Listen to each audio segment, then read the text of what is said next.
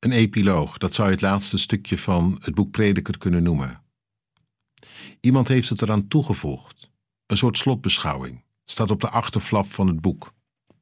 Prediker was een wijs man en heeft het volk veel kennis bijgebracht. Hij heeft gewikt en gewogen en veel spreuken opgesteld. In treffende spreuken probeerde de prediker de waarheid getrouw onder woorden te brengen. De woorden van wijze zijn zo scherp en puntig als een ossenprik. Al hun spreuken zijn ons door één herder ingeprent. En tot slot, mijn zoon, nog deze waarschuwing. Er komt geen einde aan het aantal boeken dat geschreven wordt, en veel lezen mat het lichaam af. Alles wat je hebt gehoord komt hierop neer. Heb ontzag voor God en leef zijn geboden na. Dat geldt voor ieder mens, want God oordeelt over elke daad, ook over de verborgen daden, zowel over de goede als de slechte. Mooi, die korte epiloog.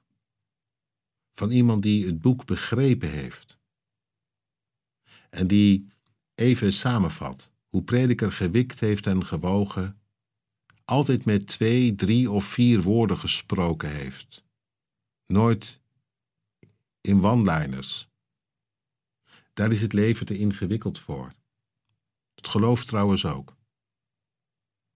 Prediker, een mens die hecht verbonden was aan God en juist van daaruit het leven onder ogen zag zoals het is. Hij observeert, hij wijst een weg, hij geeft je raad. En het is zoals hier staat.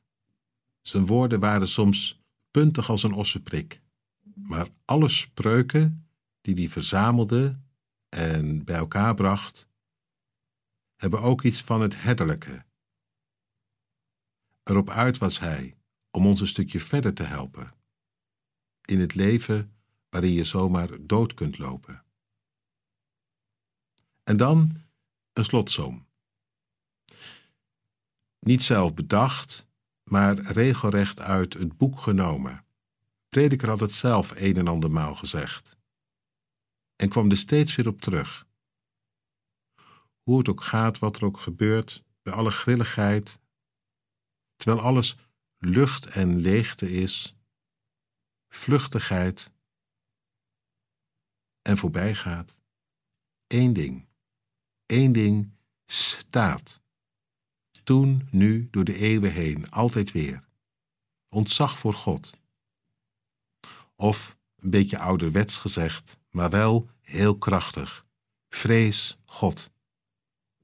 Buig voor Hem, geef je Hem over. Vertrouw jezelf Hem toe. En laat je door Hem gezeggen. Daar zit zegen in. Hou vast. Toekomst. En dan gaat je leven dan door het oordeel heen. Deze God, die kan je hebben zoals je bent. En is erop uit dat al wat fout ging en zonde was, het laatste woord niet hebben zal, maar zijn genade, die genoeg is.